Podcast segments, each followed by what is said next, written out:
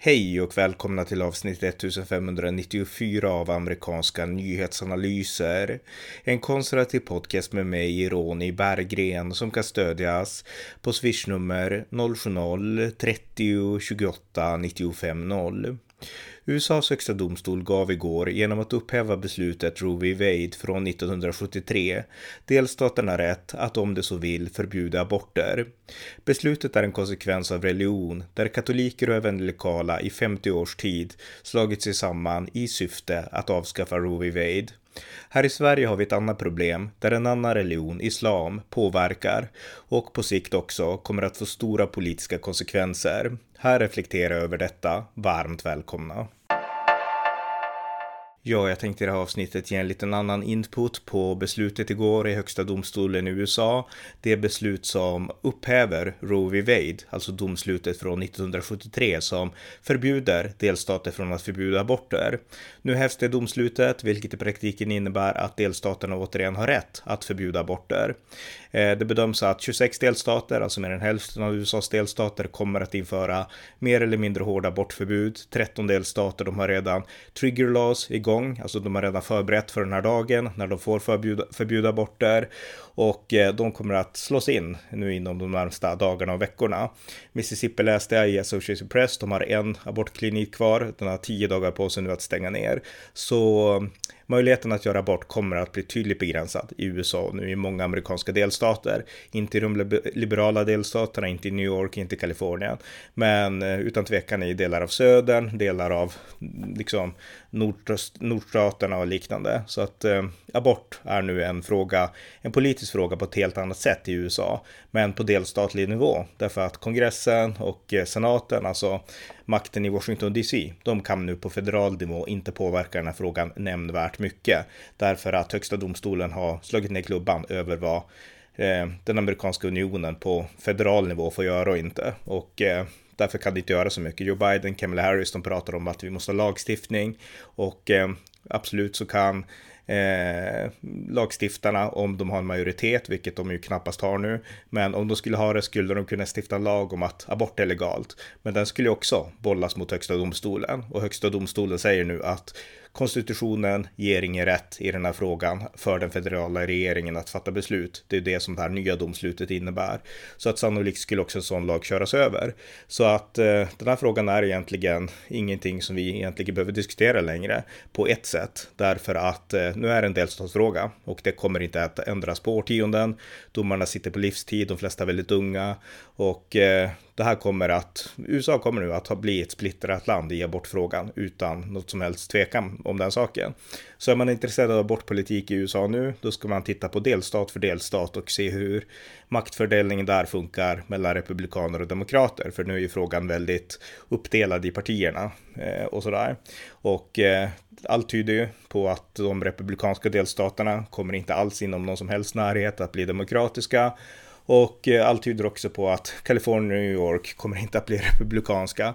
Så att på så vis så kan vi redan nu se hur frågan är relativt cementerad. Sen finns det mer splittrade delstater där abortfrågan kanske kan bli lite mer komplicerad, men där det förmodligen kommer att bli eh, alltså gå mot det hårdare hållet också, delstater som Virginia och andra. Så att eh, så ser läget ut i USA. Men det jag vill prata om här, det är helt enkelt orsaken till att det här kunde bli som det blev. Och den faktor som nästan alltid förbises, det pratar mycket om den kristna högern här i Sverige när man analyserar USA, att de är så konstiga, de är emot aborter. Och det är sant, de är emot aborter, men man måste också bryta ner varifrån det här abortmotståndet kommer. Det är så här att USA är ett historiskt protestantiskt land.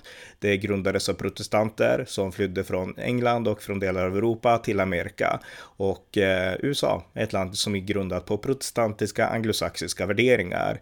Eh, de katolska inslagen var väldigt få i USAs begynnande. Det fanns en katolsk författningsfader eh, som hette John någonting, jag har glömt namnet nu. Men eh, katolska kyrkan hade inte så stort inflytande i USA och det fanns starka antikatolska krafter rättigheter på teologiska grunder bland protestanterna i USA. Sen kom eh, den katolska massinvandringen i slutet av 1800-talet. Den fortsatte och katolska kyrkan skiljer sig i vissa avseenden då från, eller från protestantiska kristna på så vis att man följer läror som kommer från Vatikanen, från påven, medan protestantismen bygger mer på sola scriptura, alltså du som person ska läsa bibeln, du som person ska dra dina egna slutsatser.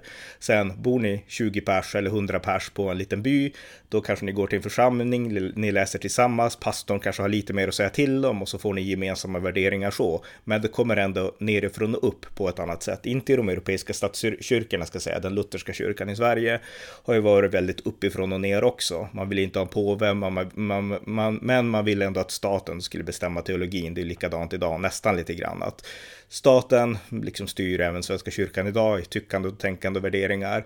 Men evangelikala USA och eh, protestantiska rörelser, eh, reformerta väckelserörelser och så, då har det byggts nerifrån och upp. Och det är så USA har byggt sina läror i mångt och mycket, medan katolska kyrkan har varit tydligt, alltså det här är dekret från Guds ställföreträdare, påven. Eh, och eh, i det avseendet så har ju katoliker haft teologiskt sett en mycket mer låst bild på olika frågor, olika lärofrågor. Och det gäller även aborter. Katolska kyrkan var väldigt tidigt ute med att aborter är fel och det är en lära som katoliker har hållit sig till. Sen har man ju såklart också resonerat kring det här. Det finns många katoliker som inte är emot aborter, självklart. Och eh, då har man levt i katolska länder så har man sett också baksidan av de här hårda abortlagarna och då har man sagt att jag är emot hårda abortlagar men jag är fortfarande katolik så att det finns den gruppen inom katolikerna också. Men det var så här att i USA så var det katolska kyrkan som drev på det här med abort, för de hade det här i sina teologiska föreställningar. Så att de vände sig mot aborter. Det här började redan på ganska tidigt, men på 60-talet tror jag att det kom igång på allvar. Eh, protestanter i USA, de var helt ointresserade av abortfrågan. Det fanns i princip ingen eh, protestantisk pastor eller någonting som predikade mot abort, eh, utan man predikade om andra saker, men inte om aborter. Tvärtom till och med, de här mest fundamentalistiska grupperna, sydstatsbaptisterna och liknande, de var i mångt och mycket för abort, därför att i många avseenden så hade delstater abortförbud. Det, det fanns ändå bland i de här delstaterna. Och då såg de här kristna rörelserna att det finns baksidor med de här abortförbuden. Så vi kanske måste bli lite mer toleranta. Eh, och eh, många av de här kristna rörelserna som idag är den kristna högern, de var inte alls emot aborter, utan de här tankarna kom in sakta. Det ska sägas till och med att då för förslag på abortförbud som höjdes i delstater som Kalifornien på 60-talet och andra delstater. Det var katoliker som lyfte fram dem och eh, kristna evangelikala, de hade ju teologiska motsättningar med katolicismen då. Olika läror, synen på Maria, synen på, ja, även nattvarden, men eh, synen på påvedömet och liknande och synen, även synen på sola scriptura kontra tradition och liknande. Så att det fanns många teologiska motsättningar och eh, protestanter i USA har länge betraktat katolicismen som en irrlära som i har irrat iväg i en lång tradition som inte har så mycket med Bibeln att göra. Det är ju den här historiska protestantismen och synen på katolska kyrkan. Varför man bröt under reformationen med katolicismen. Eh, så att den idén har levt kvar i USA under lång tid. Så fanns en stark antikatolicism bland protestanter i USA, evangelikala inte minst. Eh, och eh, abortfrågan, eftersom de drevs av katoliker så blev protestanter skeptiska. Alltså det där är ännu en av katolikernas konstiga frågor och konstiga läror som de håller fast vid. Det var lite attityden. Men sen hände det några saker. Eh, evangelikala, det började med Jerry Falwell väldigt specifikt. Han snappar upp en del sådana här eh, antiabortläror. Och eh, inför presidentvalet 1972 så beslöt Richard Nixon, han hade ju Pat Buchanan som sin rådgivare som var katolik, eh, att eh, vi måste nå ut mer till Eh, katolska väljare och de är väldigt mycket emot aborter eh, därför att eh, katolska väljare är historiskt demokrater och vinner vi dem så kanske vi kan, kan vinna. Så att han började sträcka ut en hand, Nixon och Pat Buchanan, till eh, till eh, ja, katoliker inom det demokratiska partiet. Därför att det demokratiska partiet då, de var ju på väg in i lite mer flower power-era med George McGovern som var presidentkandidat 1972 och med Eh, en extremt liberal partiplattform på Demokraternas konvent 1972. Och Nixon insåg att här kan jag vinna poäng och kanske rycka några klassiska Kennedy-demokrater till det republikanska partiet genom att tillåta mer kritik mot aborter. Och det här växtes inte starkt under Nixon, men det började lite där. Sen fortsatte det och eh, när Roe v. Wade-beslutet fattades 1973, då var det ändå vissa evangelikala som sakta började, många välkomnade Roe v. Wade till en början och tyckte att äntligen så slipper kvinnor göra, de som nu måste göra aborter, slipper de göra det i hemliga gränder och liknande, utan nu kan de göra det tryggt och säkert. Det är bra, tyckte många, till och med sydstatsbaptister tyckte det. Eh, och eh, man hade inget emot det. Men sen hände, fick Roe v. Wade konsekvenser. Det var så här att den legala aborten, den började öka. Och farhågorna om att man skulle använda abort som preventivmedel, det besannades också. Det fanns ju säkert de här fallen där eh, många som annars skulle ha fått göra farliga, liksom problematiska aborter i hemlighet och säkert för svarta pengar och sådana saker. Eh, de exemplen fanns, de fick säkert hjälp, men det var också så att när aborter blev legalt så ökade aborterna explosionsartat och då började de även lokala reagera. Och då skapades en slags eh, synergi mellan evangelikala och eh, katoliker som alltid hade varit mot aborter. Och eh, man insåg att hmm, här kanske det ändå finns lite gemensam mark. Vi har ingen teologisk gemenskap, vi har inte alls samma syn på tradition och Bibeln och påven. Här tror vi på konstitutionen och vem vet, är katoliker ändå mer lojala till påven än mot författningsfäderna? Vem vet, liksom de här tankarna finns fortfarande kvar bland protestanter. Men man insåg att abortfrågan, där har vi något gemensamt. Och då började det sakta byggas upp en enhet kring de här moralfrågorna som den kristna högern alltid har drivit egentligen. Nu har man släppt en del saker, men på den tiden, 80-talet sådär, då var det ju aborter. Det var kärnan, det var homosexualitet, det var rätten till bön i skolor, det var rätten till eh, att eh, kunna hemundervisa sina barn och sådana saker. Och de frågorna som den kristna högern kämpade för, där man såg att de här klassiska värderingarna i USA, nu trycks det tillbaka av en eh, skum, konstig kontrakultur från 60-talets hippierörelse. Och vi måste stå upp för de klassiska amerikanska värderingarna. Det var så man tänkte lite grann. Och just abortfrågan, det var huvudfrågan som enade eh, katoliker och evangelikala. Och med tiden så vart det till och med så här att de evangelikala vart mer och mer abortmotståndare och mer till och med än katoliker, därför att katolikerna är mer ett, alltså du kan vara uppfostrad katolik utan att behöva ta, alltså de flesta som är katoliker kan identifiera sig som katolik på ett mycket mer konkret sätt än vad evangelikala gör. De flesta evangelikala som kallar sig evangelikala, de gör det för att de verkligen har en djup tro. De, många katoliker som gör det, de gör det för att de är uppfostrade katoliker, de är döpta i kyrkan, de har en familj som alltid varit katoliker och liknande. Eh, så på så vis så fanns det också eh, ett spektra av det katolska som var liberalt, men lärorna var ändå som de var. Så att det fanns liksom, lärorna drevs inte, alltså initialt från katolskt håll, sen snappades det upp också på andra grunder av evangelikala och sen vart gräsrotsrörelsen en stor del eh, evangelikala vita främst, men inte enbart, och även då konservativa katoliker.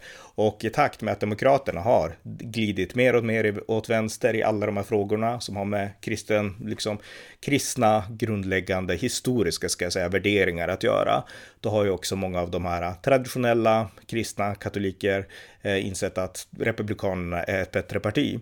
Och eh, det är de här som har drivit på i 50 år att avskaffa Roe v. Wade. Och man har gjort det därför att man anser, och det här är en teologi som har växt fram, framför allt bland de evangelikala, innan 70-talet.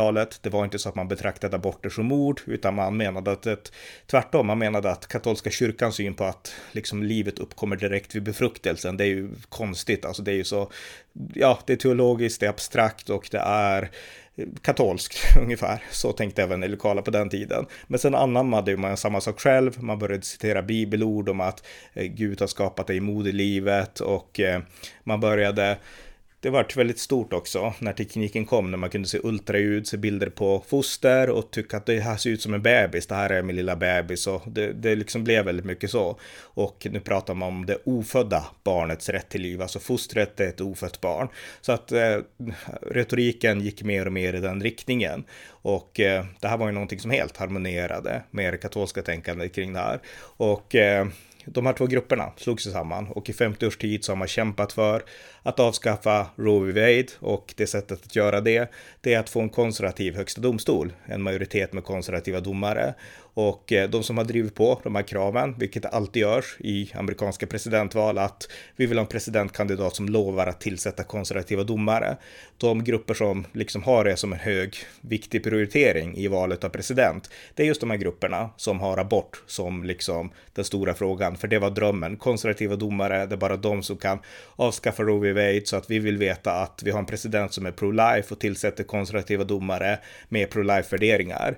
Eh, och eh, det här har inte varit lätt. Eh, och eh, det är ju Ofta så går det i cykler, presidenten från ett parti och sen en president från ett annat parti. Och eftersom de här domarna sitter hela sina liv så är det inte jätteofta de byts ut.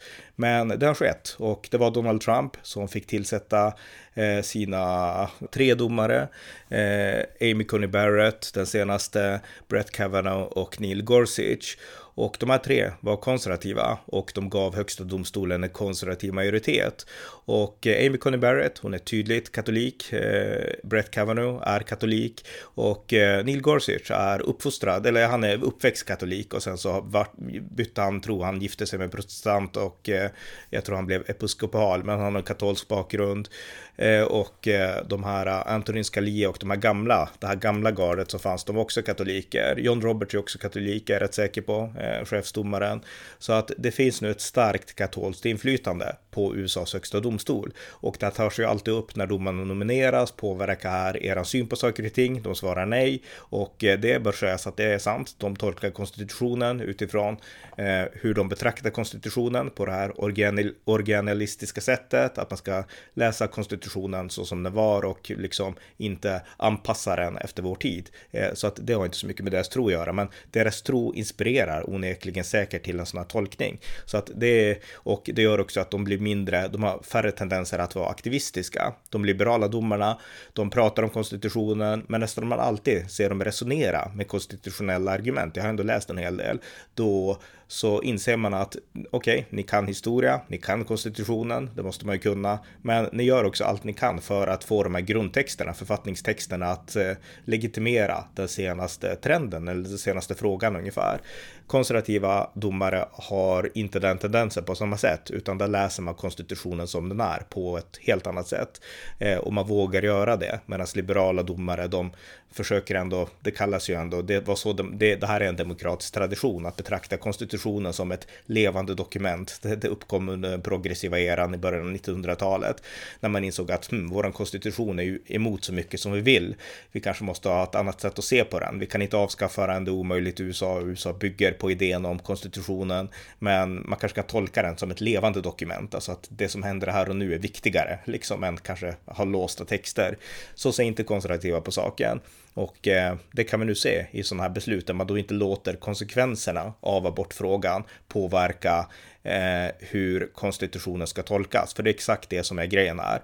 Eh, när de här domarna har avskaffat de konservativa, Roe v. Wade, så görs ju inte det därför att man på något sätt tycker att åh, nu ska vi slå ner på kvinnor. Det, så är det inte. Utan det görs för att det är så man betraktar konstitutionen. Men man låter då inte konsekvenserna av liksom det konstitutionella tänkandet på liksom, Ehm, ja, det får inte påverka beslutet. Beslutet ska utgå från en granskning av konstitutionen. Det ska inte vara politiskt eller liksom ja, liksom påverka på det sättet. Medan alltså, demokrater och liberala domare i större utsträckning, de tänker inte så, utan då är det mer oj, vilka konsekvenser får det här? Och sen så fattar man beslutet utifrån den principen. Så att där har vi lite styrkan, för jag betraktar det som en styrka, jag är helt för, eh, alltså en grundläggande, en konservativ syn på konstitutionen. Men eh, där har vi lite skillnaderna och eh, de här eh, domarna var konservativa. Eh, många av dem var katoliker och nu är vi här. Nu har vi ett avskaffande av Roe v. Wade. Och det ska komma ihåg nu att som jag sa, protestanterna var inte alls särskilt intresserade av abortfrågan innan 70-talet egentligen, inte överhuvudtaget, utan det var en katolsk fråga. Och katoliker i USA, det är ju en grupp som har som sagt, inte, det, det, det pågick en massinvandring och det här är en konsekvens i mångt och mycket av att de här krafterna har kommit in i USA och påverkat USA och även påverkat mainstream-protestanterna som nu är jättepro-life, alltså för eh, abortförbud och liknande. Så att eh, så ser USA ut, en konsekvens av massinvandring. Det finns ju otroligt mycket mer att säga om allt det här, men det här ämnet ska jag försöka liksom ändå fokusera på den poäng jag vill få fram. Så att min poäng för att avsluta den här delen av resonemanget, det är att det vi ser idag nu är en politisk konsekvens av den katolska massinvandringen till USA. Det är inte bara katoliker som driver på det här, utan majoriteten av USA har under lång tid varit protestantiska evangelikala kristna, men det hade inte skett utan de här katolska idéerna. Det är helt uppenbart när man läser historien och eh, den katolska massinvandringen är vad som har gjort att de här katolska idéerna har kommit in i det amerikanska majoritetssamhället. Så att eh, det här är som sagt en konsekvens om man vill dra till sin spets av katolsk massinvandring. Och det kan man tycka att eh, man kan tycka att det är bra och man kan tycka att det är dåligt, men det är en konsekvens av det. Här i Sverige och i Europa, men kanske främst i Sverige, så skrivs det väldigt mycket just nu. Vi är väldigt intresserade av USA, om det här oerhörda beslutet i USA. Vad konstigt, därför att det här skär sig ju helt med våran syn på abort som helt utgår från kvinnans rätt att bestämma över sin egen kropp. Medan argumenten i USA utgår från det faktum nu att man om liv föds vid befruktelsen, då är det ett ofött barn. Då är det liksom det perspektivet man måste ha, till och med före kvinnans. Alltså att det här är ett liv, ett helt oskyldigt liv som inte kan försvara sig själv. Det är ju liksom den synen som finns. Och det kan man också diskutera, vilken syn är rätt, vilken syn är fel, men så går tankarna. Men de här två bilderna, de skär sig med varandra. För i Sverige då är det kvinnans perspektiv, hennes rätt över hennes egen kropp. Och i USA, i de här kretsarna, så är det ett annat perspektiv. Men eh, i Sverige så är aborträtten inte hotad. Vi har inte de här krafterna i Sverige alls. Det finns eh, Ja till livet, det finns en del politiska sidoorganisationer, kanske inom, kanske främst KD skulle jag tro, av riksdagspartierna. SD har ju pratat om abortfrågan, men det är inte så att SD har liksom den genuina, SD kommer inte från kyrkliga sammanhang på det sättet, utan har de gjort det så har de snappat upp det längs vägen. Eh, och eh, det är ingen stor fråga där heller. Men, men, eh, och inte för KD heller, det ska sägas, vi måste vara rättvisa mot KD. KD driver ju inte den här linjen. Det finns inget parti i Sverige som har de här eh, anti-abortaktivismen som finns i USA. Det gör det inte. Så att här är inte aborträtten hotad. Men däremot så har vi en religiös massinvandring till Sverige. Inte av katoliker, men av muslimer. Vi har hundratusentals muslimer i Sverige och det kommer också att få politiska konsekvenser, precis som den katolska massinvandringen till USA fick. I Sveriges fall så kommer det att få andra politiska konsekvenser och då kanske politiska konsekvenser som har att göra med saker som kvinnors frihet, eh, rätten att häda och smäda religion och eh, liknande saker. Där kommer deras värderingar att till slut kanaliseras in sakta men säkert i det politiska tänkandet och med tiden så kommer det att bära frukt och få politiska konsekvenser. För det vi kan lära från USA nu, det är att religion kan få politiska konsekvenser. Alltså vanliga amerikaner som är, de kan vara troende, de kan vara liksom, ja, bara leva sina vanliga liv precis som svenskar gör. Det, alltså de, det är inte abortfrågan de går och tänker på varje dag, utan det här har ju drivits fram för att det finns stora grupper av aktivister som verkligen driver på det här. Och eh, religion i Sverige funkar likadant. När vi nu får in religiösa så är sannolikheten ganska stor att till slut så finns det människor som skapar religiösa partier, precis som det finns i den muslimska världen och sådär. Jag skrev en text för en tid sedan om islamiseringen, att i många av de här länderna i muslimvärlden som blev sekulära i samband med västintåg efter första världskriget, då var det ju så att det fanns ju fortfarande en stor muslimsk majoritetsbefolkning som pressade de här ofta sekulära ledarna som var utbildade i väst att ja, men visst, skriv en, gör en demokrati och skriv en konstitution, men islam ska vara en del av det hela. Så att de här sekulära demokratierna, de fick antingen tillta totalitära, ganska tuffa åtgärder för att de slår ner de islamiska krafterna. Eller så fick man kompromissa och skriva konstitutioner som gav stort utrymme för sharia-lag samtidigt som det gav utrymme för vanlig liksom sekulär lag i viss mån. Så att man fick kompromissa och den formen av kompromiss den risken finns att en dag så kommer Sverige att tvingas kompromissa på samma sätt. Därför att vi får samma problem som den muslimska världen. Vi får en stor, i, i vårat fall då en minoritetsbefolkning, men ändå så stor att den har makt att påverka hur majoritetssamhället betraktar saker som religionsfrihet, rätten att smäda, kvinnors frihet och liknande. Och det här är ju saker som vi säger att vi kommer aldrig kompromissa på det liksom. Men demografin är vad som styr demokratin. Så till slut så det spelar ingen roll vad en liberal politiker säger idag, här och nu, 2022, och om 10-20 år så är det demogra demografin som kommer att påverka demokratin. Det är det som har skett i USA. Eh, det är inte någon totalitär person som har slagit med en klubba och sagt att nu ska vi börja förbjuda aborter, utan det är en lång tradition av demokratisk påverkan. Det har skett helt öppet, det har inte gjorts i det dolda. Det är viktigt att betona det här.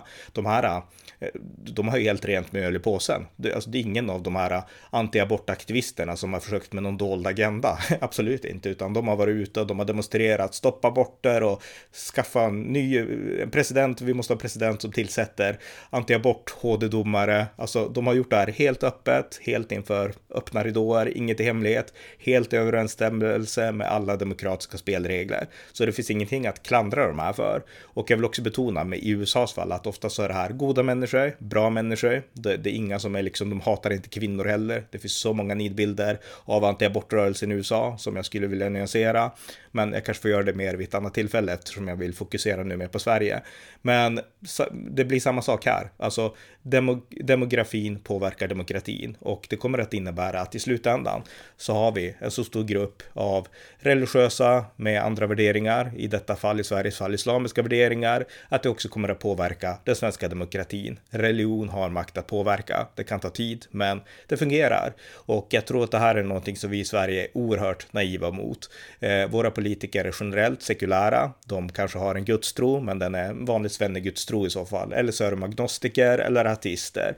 Men framför allt så är de svenskar och eh, de tror att eh, Sverige är liksom modellen för hur världen ska agera och om alla bara kan leva under goda svenska förhållanden så blir alla till slut svenskar. För vad annars kan man vara om man är en vettig människa liksom, om inte svensk och har svenska värderingar så kommer man bli en galen amerikan till exempel. Det, det, är liksom den svenska mentaliteten och den är oerhört naiv. För de här äh, som kommer hit, invandrare från Mellanöstern, från den islamiska världen, de har i grund och botten islamiska värderingar. Inte varenda individ, men som grupper så finns där. Och när det dras till sin spets när det gäller vissa frågor, hädelse av islam till exempel, jag menar här i Sverige får vi häda religion, vi får häda kristendomen, det görs hela tiden. Men där så bränner det till bland muslimer, det gör verkligen det, för de är fostrade att tro på en religion på ett sätt som vi inte begriper principer här i Sverige. Och eh, det här kommer att påverka de politiska besluten framöver. Det kommer att påverka kvinnors frihet. Islam har en annan kvinnosyn. Det är den djupa skillnaden mellan kristen tro och islamisk tro. Det är synen på kvinnan. Och jag vet inte om det har gått in i svenskar än att det är så, men det är så. Det syns genom hela historien. Eh, eh kristen kvinnosyn på medeltiden var mycket bättre än islamisk kvinnosyn. Eh, kristen kvinnosyn när den är som sämst är bättre än islamisk kvinnosyn. Så att eh, det här är någonting som, det har inte gått in riktigt än i svenskar att det är så. Och Sverige har en kristen kvinnosyn, kombination med politisk liberalism och så, men i grund och botten en kristen kvinnosyn. Och eh, i islamiska länder så har man inte det, utan där har man en islamisk kvinnosyn. Och den synen vill vi inte ha här, men vi kommer att få den på grund av att demografin påverkar demokratin. Och eh, vi kan lära av USA helt enkelt. Religion kan påverka och eh, vi bör ta det i akt och inse att i vårt fall så är det kanske inte abortfrågan som kommer att påverkas. Vi har ingen katolsk massinvandring till Sverige, men vi har en muslimsk massinvandring och eh, ska vi bli kritiska mot de här faktorerna och tendenserna så är det den vi bör fokusera på. Det är budskapet i den här podden. Ni har lyssnat till amerikanska nyhetsanalyser där jag vill mana er som har möjlighet att stödja valfri Ukraina-hjälp med en gåva. Vi måste vara uthålliga i stödet till Ukraina. Vill ni stödja amerikanska nyhetsanalyser kan det emellertid fortfarande göras på swishnummer 070-30 28 95 0. Det var allt för denna gång. Tack för att ni har lyssnat. thank you